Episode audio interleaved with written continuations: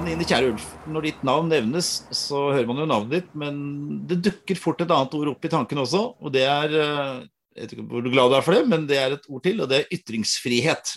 Nå skal vi begynne med et helt håpløst stort spørsmål. Hva er ytringsfrihet? Det er min eh, og din og alles rett til å gi uttrykk for det vi har lyst til å gi uttrykk for, og ta til oss de tankene og ideene som eh, andre har uttrykt, som vi ønsker å tilegne oss. Kort og greit. Veldig bra. Eh, Anine Kierulf, du er førsteamanuensis ved Institutt for offentlig rett, Universitetet i Oslo. Det var en lang en, men vi er ikke Ja. ferdig der. Du er også spesialrådgiver ved Norges institusjon for menneskerettigheter, NIM. Nemlig. Så jeg kunne antageligvis bruke et helt eh, kulepennbudsjett i året bare på å skrive disse titlene, så jeg prøver å ikke bruke dem så mye. Ja, Der har vi deg. Og så er du jo debattant, det må man kunne si i en eller annen forstand. Du er veldig mye brukt uh, av medier, Uh, vel både direkte og indirekte, skulle jeg tro. Du nevnte at du får mye henvendelser om spørsmål om ytringsfrihet. Um, ja, er, har det økt? Ja, det har det. Um, altså, jeg har for så vidt alltid hatt mye kontakt med mediene om Mm. disse spørsmålene, fordi mediene er jo både veldig oppmerksom på ytringsfrihetsproblematikk og helt Mm. avhengig av den selv.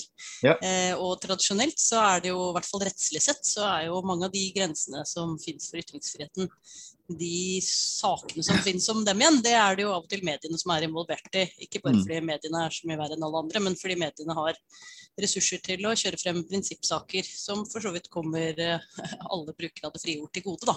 Ja.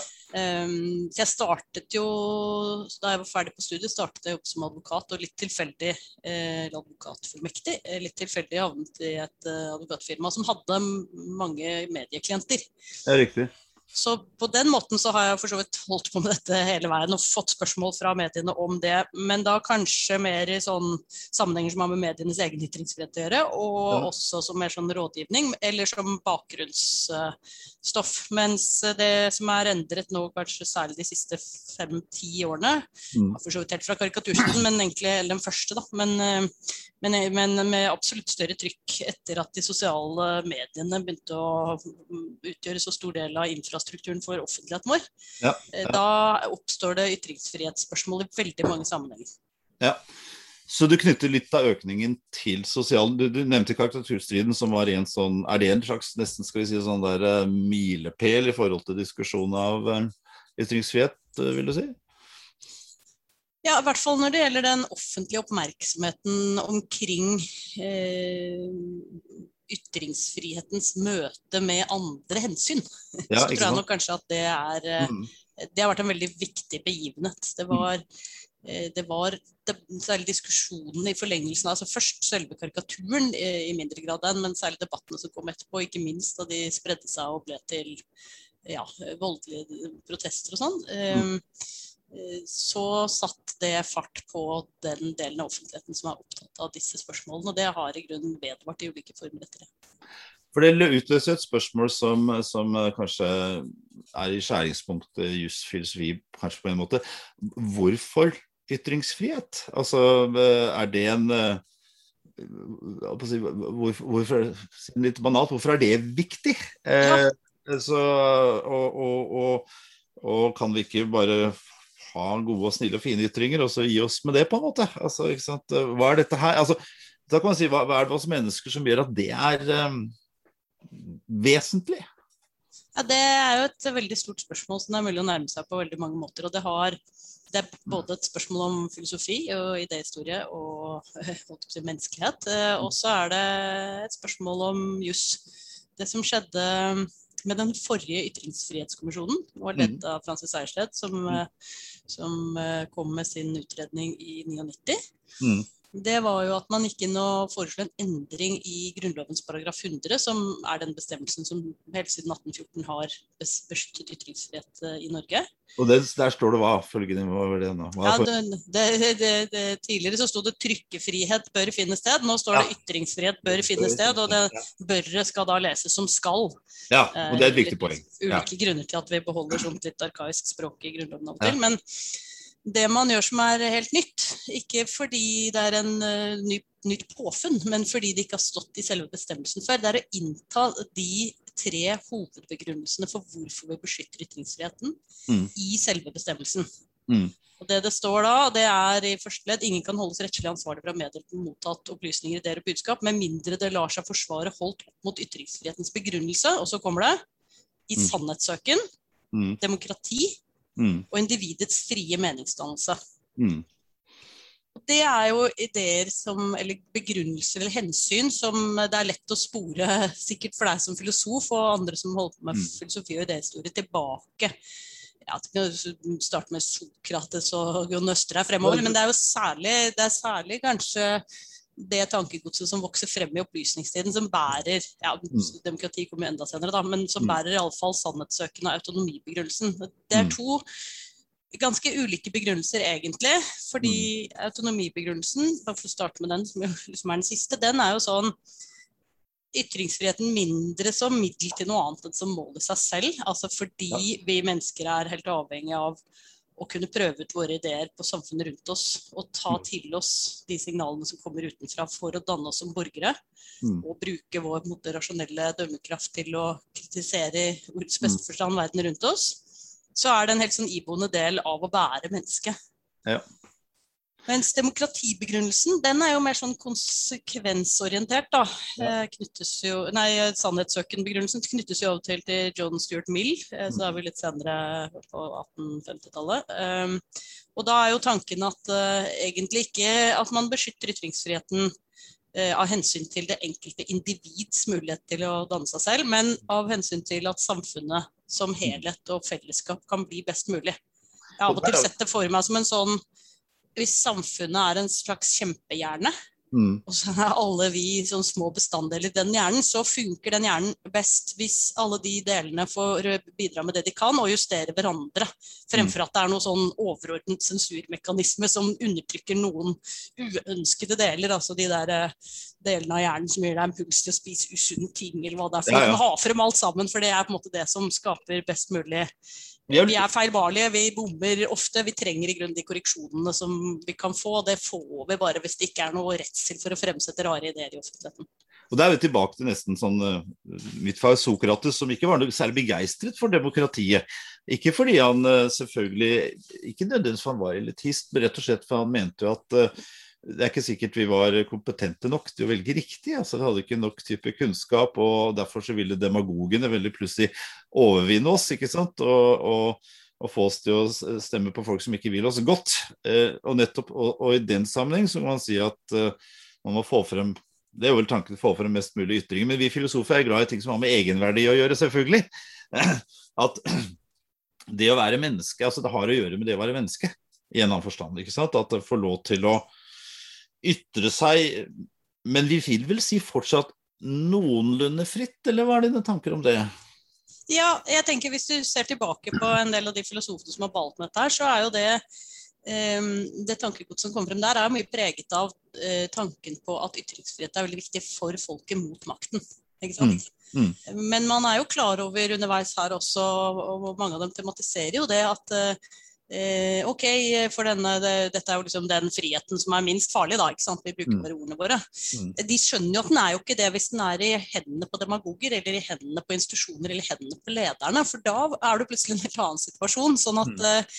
eh, mye av begrunnelsen er på en måte sånn nedenfra og opp-begrunnelse, eh, som både handler om å skape gode samfunn, men som kanskje også handler om å, å oppebære seg selv som individ. Da. At det, mm. det, er, det er veldig vanskelig å tenke seg Eh, en fri utfoldelse av et selv. Eh, ja. Uten at man får til Man må skjønne en del av det som foregår rundt en. Og man må kanskje ikke, Det er ikke sånn at man må si alt, men det er i hvert fall en god del man må kunne prøve ut da, for å komme mm. videre og, og bli mer Det er jo det er en tendens nå i, i ordskiftet hvor man sier som jeg opplever som kanskje tidvis et slags anslag mot ytringsfrihet også.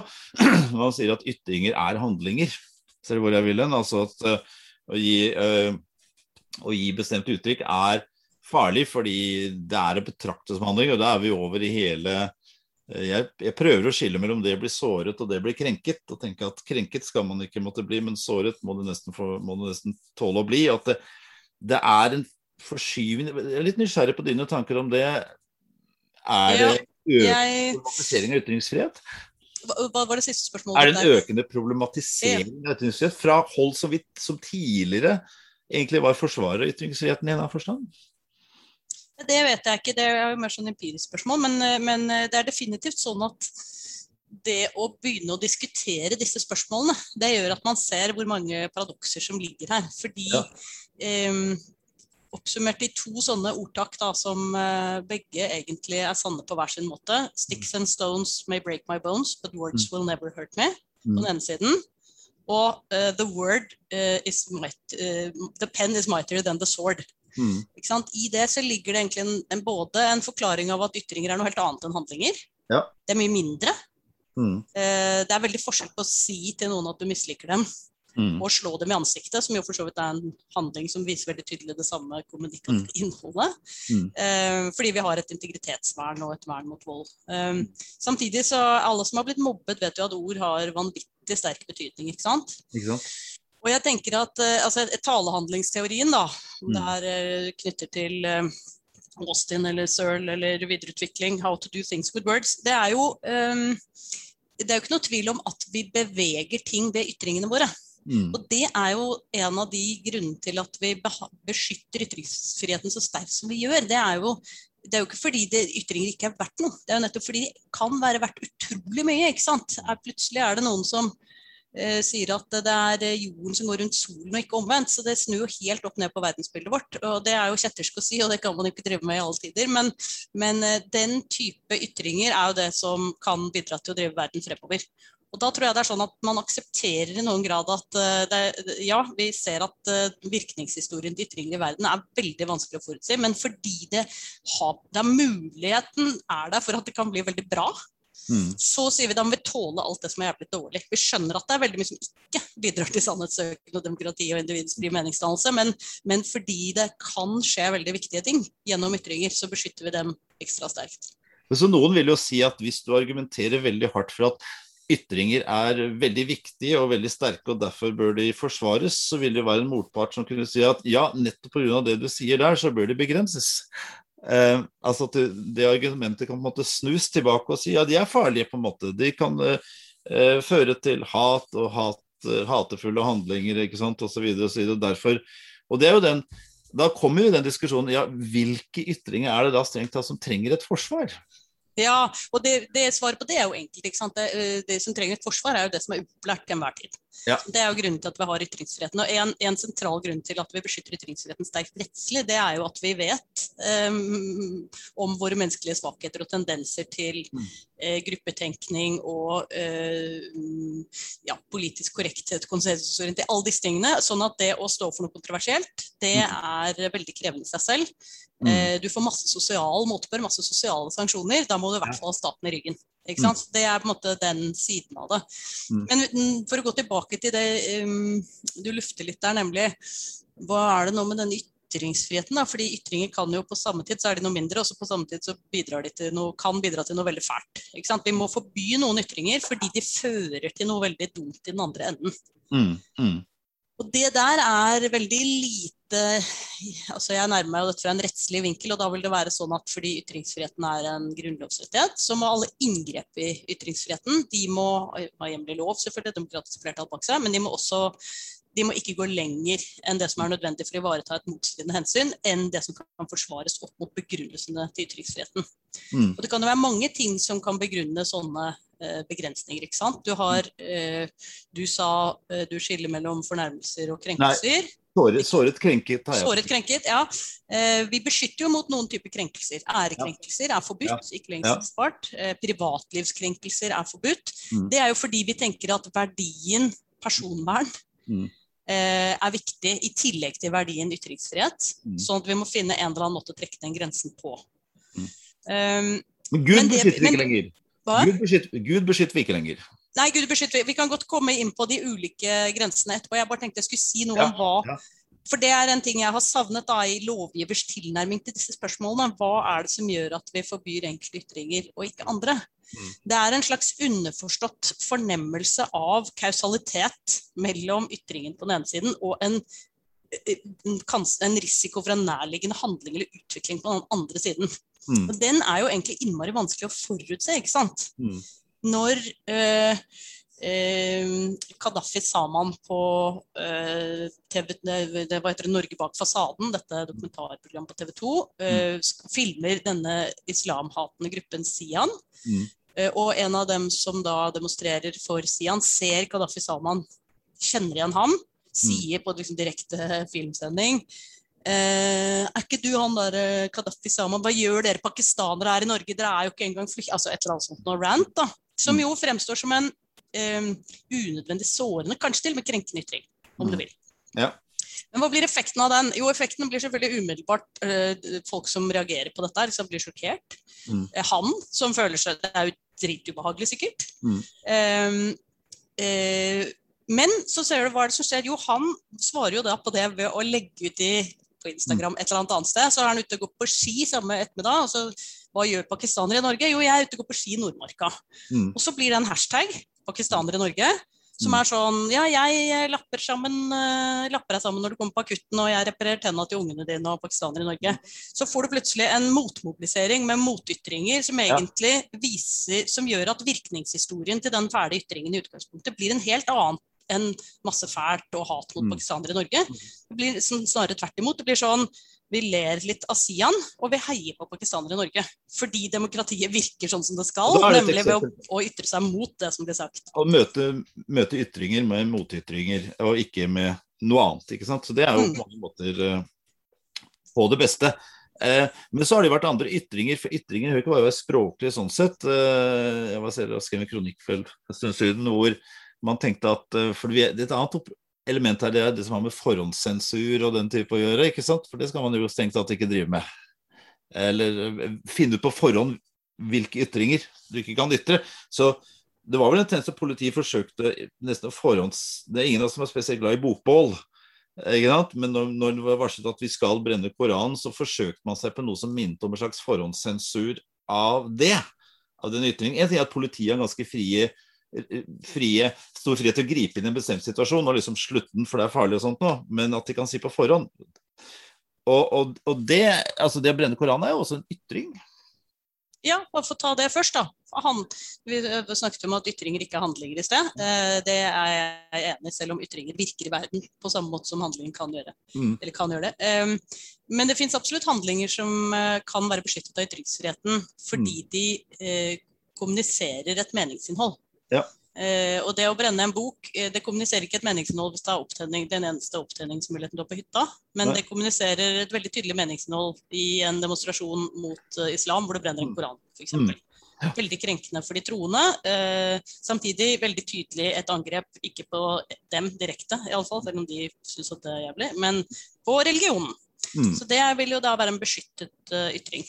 Ja. Og da var det litt eh, frem og tilbake der. For det som er en utfordring med de der koranbrenningene i vår sosialmediale tid, Mm.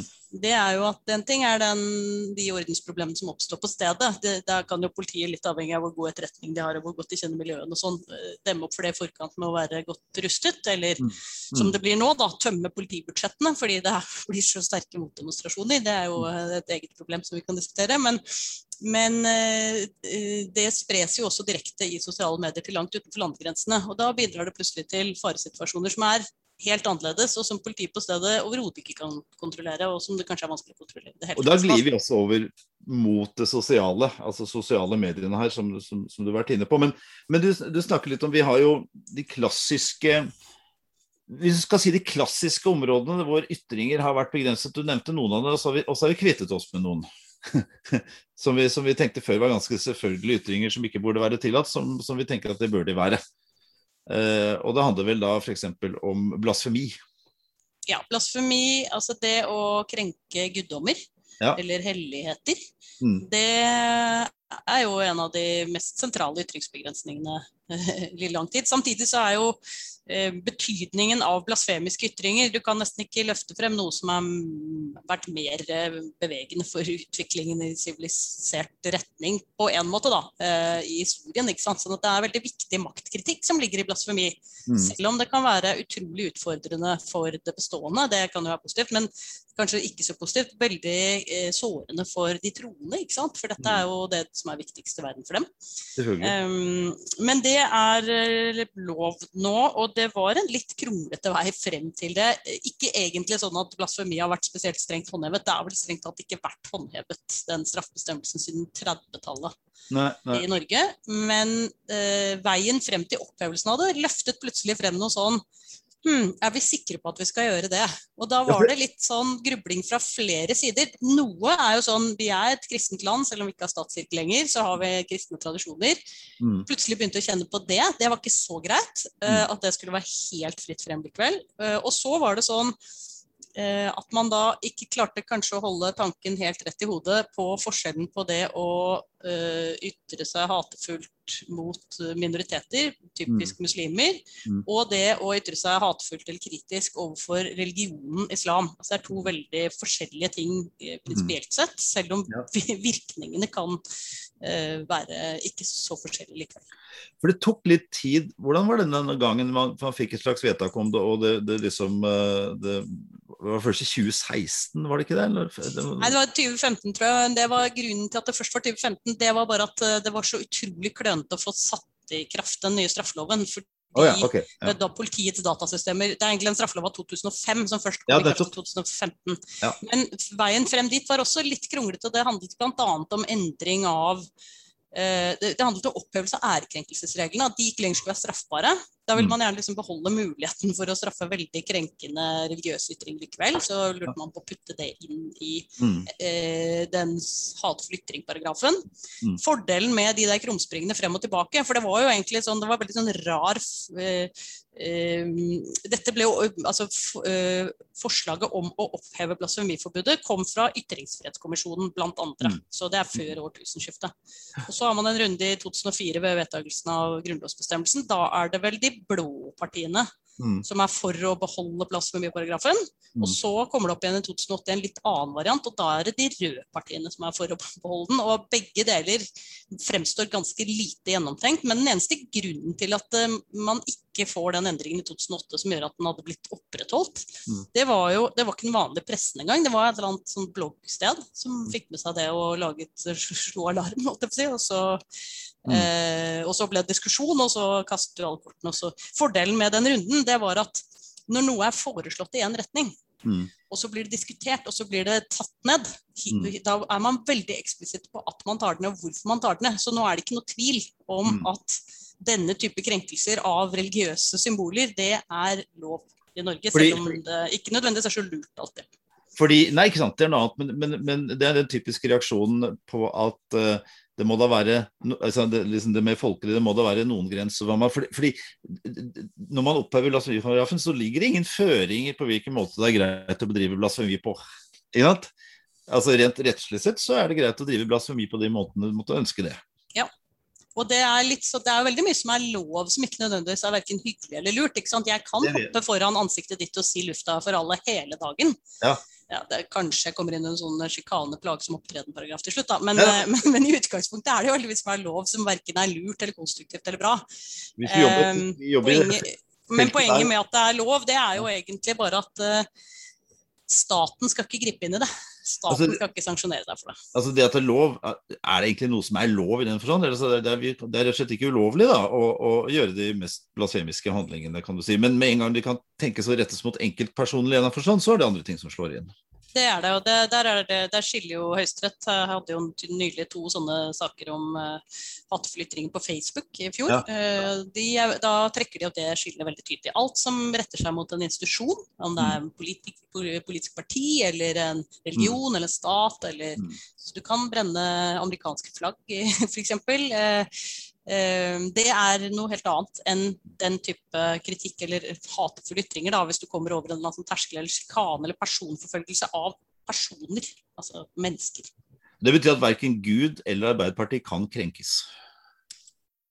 Gud, altså, Gud kan jo umulig krenkes. Han har jo skapt oss. Det ville vært veldig tullete hvis han skulle skapt oss og latt seg krenke av det vi gjorde. Det er. Arbeiderpartiet derimot har jeg inntrykk av at kan bli krenket. Men ikke. Men, eh, men de kan ikke, kan ikke gå til anmeldelse av noen uh, av, av den grunn.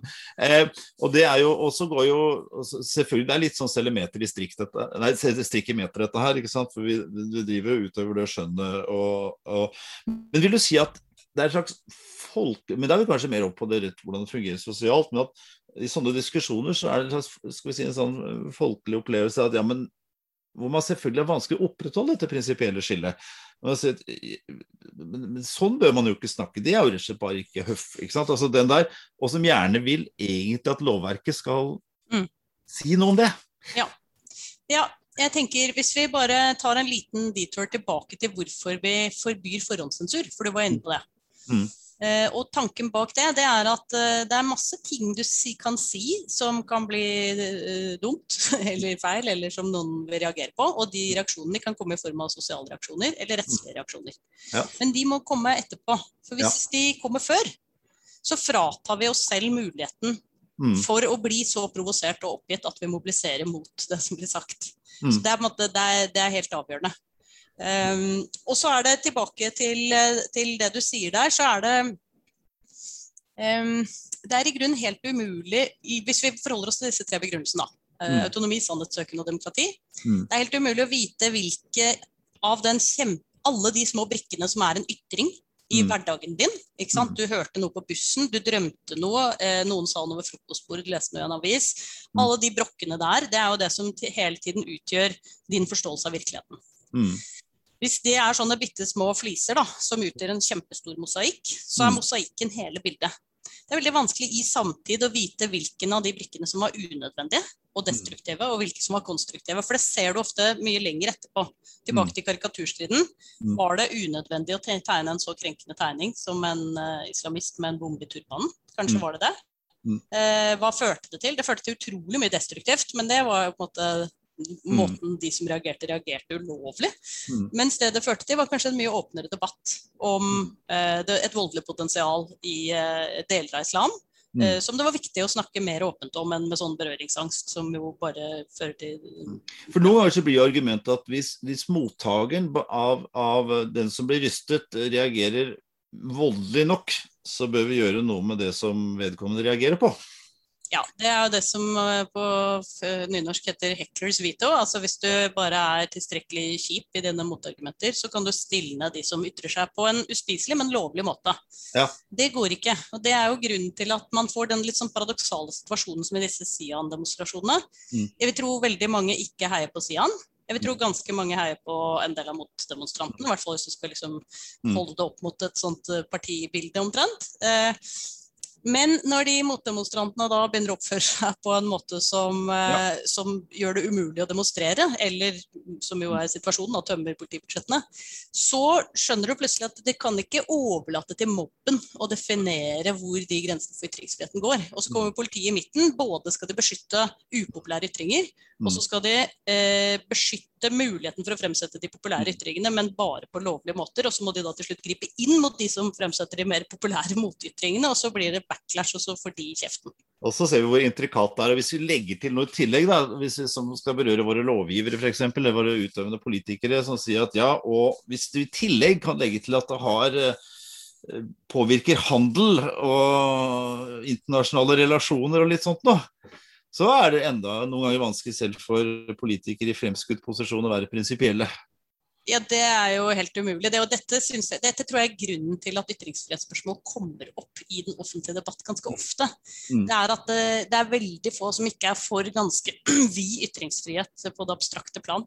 Mm. De kan til og med begrunne hvorfor de er det ganske godt. Mm. Men straks du får noe som virkelig undergraver muligheten for det du selv står for, Mm. så blir det vanskelig å opprettholde det prinsippet. Det gjelder ikke bare på ytringsfrihetens område, men det blir veldig tydelig der. Veldig tydelig her. Hvis det er en handelsboikott f.eks. Som, som ligger i korten, altså den type virkemidler, så vil jo det prinsipielle Da vil jo disse spørsmålene når du presser de alltid komme opp igjen altså si at ja, men var, det- var det akkurat denne ytringen skal vi ikke kunne forby akkurat sånne type ytringer. Tross alt, altså de koster forferdelig mye penger. Ja, ja. Og det, eh, jeg tror nesten alle vil kunne ha eh, ytringer som egentlig er lov, som de tenker at akkurat det der, der burde nesten vært forbudt, fordi det er så utrolig destruktivt på veldig mange måter. Om det da er uttalelser om menneskerettighetssituasjonen i Kina eller eh, ja. ja for, for, vi kjenner jo til ytringer i dag som kan anta altså, antenne en verdensdel omtrent. Altså, ikke sant? Altså, hvor vi snakker om at, og, og, som et resultat av det, ikke et resultat av det, det er ikke din skyld kausalt at du har sagt det, men som en resultat av det, at liv kan gå tapt. Ja, og det er jo for så vidt din skyld, men du er bare en, du er nødvendig, men ikke en tilstrekkelig betingelse. da. Ja, ja, ja. Du er jo med på å få det til å skje, men det er definitivt ikke din skyld at andre mennesker handler voldelig. Nei. Fordi alle må forholde seg til de lovene og reglene som gjelder, men det gjør de jo ikke. Sånn at, nei. Uh, ja, nei, det, det Hvordan er det vri over mot sosiale medier, men, men, hvis du skal jeg regner med at du, har, du kan se inn i fremtiden og sånt nå? Det er, ja, jeg har krystallkule her i skuffen. Jeg, så det, ja, rimelig krav til en forsker, syns jeg. Uh, men i hvert fall hvor går altså den, den, Denne forsvarer ytringsfriheten sånn internasjonalt. altså skal Vi se på vi kan vel si at I en periode har det gått i en retning hvor vi er større og større tilhengere av ytringsfrihet sånn jevnt over. Skulle jeg tro, siden 1600-tallet. vil jeg tro. Eh, men hvor står liksom tilslutningen til dette nå? Er det mulig å si noe Det er et empirisk spørsmål, men mer sånn ja. Nei, det er ikke så godt å svare på, men, eh, og det er eh, empirisk er det nok også. Men jeg, jeg tror nok man um, altså Både uh, oppsidene ved uh, ytringsfriheten og nedsidene ved ytringsfriheten blir veldig uh, forsterket mm. gjennom måten sosiale medier virker på. Mm. det veldig positive er at veldig mange flere har fått en stemme som kan nå ut. Mm. De kan også ta til seg et utrolig mye større antall ideer enn det de mm. tidligere kunne. Iallfall den delen av verden som har internett. Mm. Um, så det er jo den veldig positive delen av utviklingen. Samtidig så er jo alle de effektene som ytringer kan ha i negativ retning. Mm. Uh, hvis det blir utrolig mange flere ytringer, så blir det jo utrolig mange flere av dem også. Det trenger ikke å være uproporsjonalt engang. Kan hende det er like mye bra ytringer. Så, men, men, det gjør jo at man blir mer oppmerksom på de problemene som skapes. Og så får du et tilleggsproblem gjennom måten disse algoritmene på de sosiale plattformene virker på. For de er der jo ikke for å ivareta individets frie meningsdannelse, sannhetssøkende demokrati. De er der for å ivareta de kommersielle interessene som plattformen har i at du er mest mulig på deres plattform. Så de får eksponert deg for mest mulig annonser og sånn, og i tillegg får melket deg for mest mulig av dine personlige Der er vi om, vi, om vi er noe som endrer veldig mye ganske radikalt, eh, her nettopp at den, den nye offentligheten altså i den forstand er jo, er jo sosial. Jeg er veldig begeistret for han har en skille mellom det offentlige og det sosiale, men vi skal ikke gå langt ja, ja. i det. Mm. Men altså, og, og, det sosiale handler om noe litt annet. Altså For det første så er jo det er noen som eier den doveggen. Ja. ja og som kan si at akkurat det du sier der, det er mulig det er ytringsfrihet, men du har det ikke hos meg. Skjønner du? Altså, og hvis det, den doveggen der er på størrelse med Facebook, eller på størrelse med Twitter, trenger vi da tenke litt må, det, må vi begynne å se på det som en slags offentlighet, slik at den kan beskyttes? Og si at nei, den doveggen er så stor at den er ikke din lenger. Altså, skjønner du hva jeg mener? Altså, må vi begynne ja. Jeg skjønner hva du mener. Jeg tror ikke det er så lett å si at doveggen ikke er din. Det vi, det vi må begynne å tenke på, det er at uh, Altså disse Plattformene har sine brukervilkår og modereringer og alt mulig rart ut fra hva som gagner dem. Mm. Eh, og det kan av og til være sammenfallende i noen grad med det som gagner oss, så det er fint. Men, men eh, det er all, bukten og alle endene er hos dem. Måten lovene blir til på, er bare styrt av dem, og måten de håndheves på, er bare styrt av dem. Det er helt intransparent. Det er ikke noe kjennetegn av demokrati eller rettsstat på den måten vi ellers tenker ytringsfrihet. Men de har overtatt så stor del av offentligheten vår at det er en demokratisk utfordring. fordi det er klart vi kan frivillig velge å la være å være med sånne steder. Det er ikke så lett når partiene våre bruker stadig mer av valgkampbudsjettet sitt på å være der, når de redigerte mediene ofte preges av det som dagsorden settes i de sosiale mediene. En veldig sånn symbiose og interaksjon der. Mm. Sånn at det, eh, det, er liksom en outsourcing av deler av offentligheten som tidligere var underlagt demokratiske rettsstatlige regler, men som nå er uh, underlagt uh, reglene som disse plattformene syns er ålreit. Uh, og plattformen blir jo ikke mindre, de blir større. Og, og, men samtidig så kan man begynne å utøve politikk gjennom de plattformene der også. Og utøve politikk på mange måter, men også på en måte som unndrar seg demokratisk kontroll. Eh, eh, rettsstatsprinsipper og alt mulig sånt noe. Altså man kan påvirke, rett og slett, da, i ganske sterk grad. Altså, Veldig er- sterk grad. Og de styr, altså de, det de har gjort, de har jo til dels malt seg litt inn i et sånt litt vanskelig hjørne. For de har, de har skapt et sånt Frankensteins monster som gjør at den posisjonen de har hatt frem til for ganske nylig, sagt at eh, nei, nei, vi er bare nøytrale, eh, en nøytral plattform. Det er dere som skaper innholdet. Mm. Så skjønner vi jo at de driver jo i utstrakt grad moderasjon, en slags redaktørvirksomhet. Og den er jo helt umulig å tenke seg hvordan man kan drive forsvarlig og ansvarlig og i hele verden når de har blitt så store som det de har blitt. Eh, og det er vanskelig å regulere dem. Noen ting kan man ta dem på for altså medvirkningsansvar, eh, Mm. eh, notice takedowns, eh, sånn spredning av eh, overgrepsbilder eller terrorpropaganda Ja. og andre ting. Men det er veldig mye som egentlig må styres av dem, eh, og som bare kan styres av dem. fordi det er bare de som vet hvordan algoritmen deres virker, for det er jo ikke transparent, for det er jo hele forretningsskulet deres. Men eh, det er veldig vanskelig å regulere dem også. Fordi det både er det jurisdiksjonsspørsmål, og så er det jo ulike tilnærminger til disse problemstillingene i ulike land. Mm. At de tilløpene som er fra EU, Europarådet og andre steder til å regulere, det tror jeg for så vidt er positivt hvis det skjer i samarbeid med plattformene. Men det kan aldri ta bort dette problemet. Så For det problemet må vi håndtere selv. Og Mistanken er jo at det foregår en sensur av politiske meninger, av politiske ytringer også. altså Det hevdes at det gjør det. ikke sant? Altså, eh, På en måte som ikke ellers ville ha funnet sted kan vi si, i det, i det offentlige rom, eller ikke burde finne sted i det offentlige rom. Og Hvis vi tenker oss at ytringsfrihet, og, og det gjør det jo i begrunnelsen, ytringsfrihet og demokrati henger litt sammen. Ja. Eh, At det er vanskelig å tenke seg et eh, demokrati uten ytringsfrihet. da. Så kan man jo begynne fremveksten og styrken til de sosiale mediene der, og i forhold til ytringer og styreytringer, påvirkninger osv. er et demokratiproblem, rett og slett. Ja, ja, helt, ja men det, det er helt åpenbart. Og, og hvis man ikke skjønner det nå altså, eh, eh, Amerika er ikke Europa, og i hvert fall ikke Norge. Eh, selv om vi dilter etter Amerika blindt og hevningsløst i veldig mye. Så, eh, så er jo de grunnleggende verdiene og det grunnleggende synet på ytringsfrihet og demokrati de to stedene, eh, det er ikke så ulikt. Det er forskjell på på Silicon Valley og Brussel, men det er mye større forskjell på Brussel og Beijing f.eks. Mm, mm. Um, sånn at eh, Vi må tenke litt på hvem vi outsourcer offentlighetene våre til. Det er ikke gitt at uh, de som styrer hva som bør opp og ned i de Mm. kanalene, Mm. har like sammenfallende uh, syn på demokrati og ytringsfrihet som det vi har fremover. Nettopp. Og det, Tanken er jo selvfølgelig at, eh, at eh, noen institusjoner kan bli så mektige at vi ikke er tjent med de lenger i det hele tatt. altså eh, At de rett og slett blir for mektige. Er det en tenkning som du tror kan dukke opp i forbindelse med noen av disse sosiale mediene, Facebook, Twitter og sånt, og de er altså så sterke på på mange måte at vi egentlig ikke burde tillate så sterke enheter? altså Hva vi burde tillate, vet jeg ikke helt, men det, det var hvordan det skal reguleres. Men det er jo en av en av måtene en del av disse teknologigigantene um, utfordres på nå, er jo gjennom sånne antitrust-søksmål i USA. Og det er jo nettopp ut fra den tanken der, fordi de får bukten og alle endene. Sånn at um, um, men jeg tenker vel, eh, og det er jo selvfølgelig, da blir det enda mer problematisk. Men jeg syns i grunnen det er problematisk nok. Ja. Når man, selv om man har, la oss si, man har fire konkurrerende omtrent like sterke sånne plattformer, så er de like fullt drevet av helt andre idealer enn de demokratisk rettsstatlige.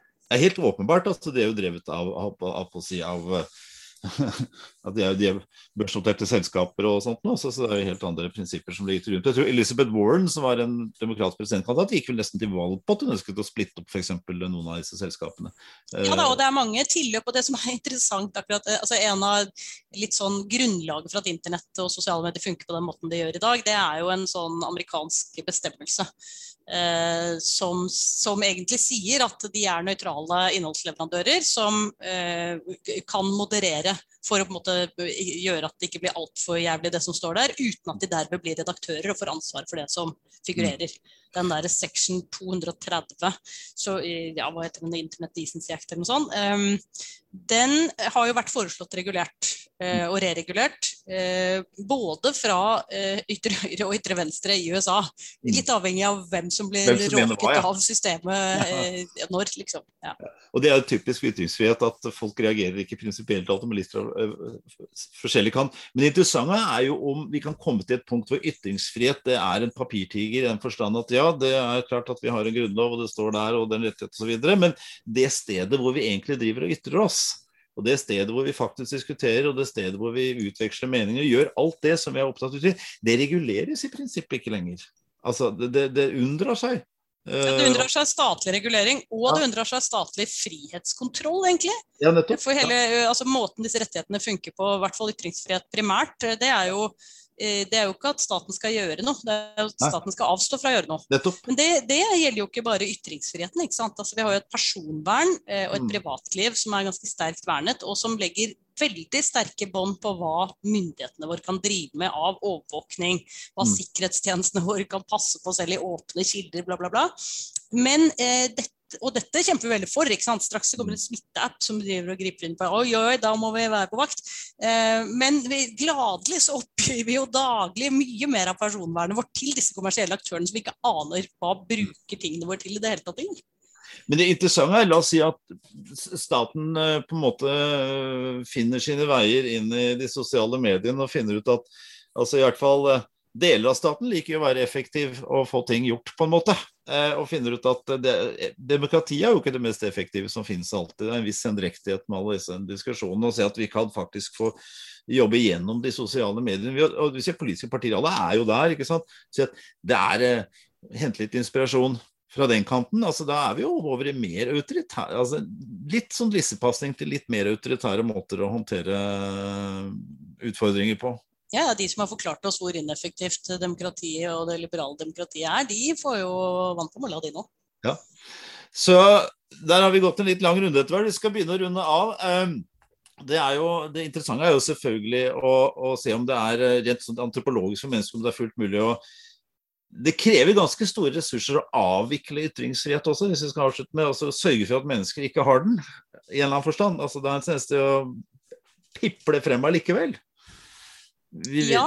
Ja. Eh, ja. jeg tror det. Den, den, popper opp og får bare andre uttrykk. Altså, det er jo eh, Om det var under krigen når man gikk med binders på jaktslaget, eller om det er i eh, hva skal vi si, velmenende, men klønete sosialmediale plattformer som tar ned all omtale av Adolf Hitler, fordi det gir full mening, fordi 90% av de som nevner han, er nynazister. så det er sånn, Men da de 10 som diskuterer han i svært legitim hensikt, de blir tatt ned, de også. Da begynner man jo bare å skrive om. ikke sant? Jeg følger jo noen debattanter og grupper på, på sosiale medier som diskuterer dette i forskningsøyemed, f.eks. Radikalisering på nett, alle disse tingene. De, de, de, bare, de skriver jo bare om. Det blir bare sånn koder ikke sant, for ja, ja. hva de skal skrive. De putter et tall inni ordet terror eller Ja, ja, ikke sant. Ja.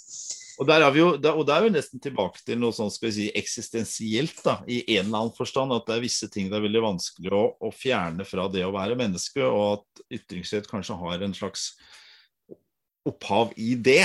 Eh, nå vet jeg ikke hvordan det har vært historisk sett, men iallfall i utviklingen av det moderne samfunnet fra opplysningstiden og fremover, så er det noe som har trengt seg veldig sterkt frem. Og de statene som, virkelig skal avvikle det, må gå ekstremt hardt til verks, eh, ser det ut til. Ja, Får håpe du har rett i det, eller kanskje ikke. Jeg vet ikke. Om Blir det da en oppfordring til at de går ekstremt hardt i verks? Jeg vet ikke. Ellers så er det interessant å se som min, det er, er, hvordan de sosiale mediene utvikler seg. fordi der er det jo, det skal vi ikke med på, men altså invitasjon til selvsensur er også veldig sterkt der. ikke sant? Fordi det har sosiale kostnader å mene en hel haug med ting. Uh, så det vil også være interessant å se. Ja. Men, uh, men uh, lovene har vi. Eh, som, som, eh, som, forsvarer den. Så det er jo spennende å se hvorvidt de greier å få en funksjon også på de områdene hvor vi faktisk diskuterer. Ja, og jeg bare avslutter med det. For rettslig sett så er det ingen tvil om at ytringsfriheten står sterkt i Norge. Og den prinsipielt sett så står den nok sterkere nå enn den har gjort noen gang. Det er, det er veldig få av de um, grens, altså de begrensningene som vi hele tiden legger på oss selv, da, fordi vi ikke vil uh, ytre oss på måter som utsetter oss for noe vi ikke vil ha, mm. uh, de følger i veldig liten grad av lovreglene. Det er stort sett andre ting, om det er hyggelig, for mm. folkeskikk og omsorg for andre, eller om det er eh, mer selvoppholdende. Jeg blir upopulær og får masse flekk og en Twitter-storm mm. mot meg. Um, det, er veldig, det Stort sett er det andre ting som gjør at vi holder oss tilbake, enn lover og regler. Vi tar det som en avslutning. Anine Kierulf, kjempehyggelig. Tusen takk. Man kunne nok fortsatt å diskutert en liten stund til, skulle jeg tro. Altså, det er mange spennende løse tråder her, men, men noe har vi kanskje greid å belyse. Så takk skal du ha. Veldig hyggelig.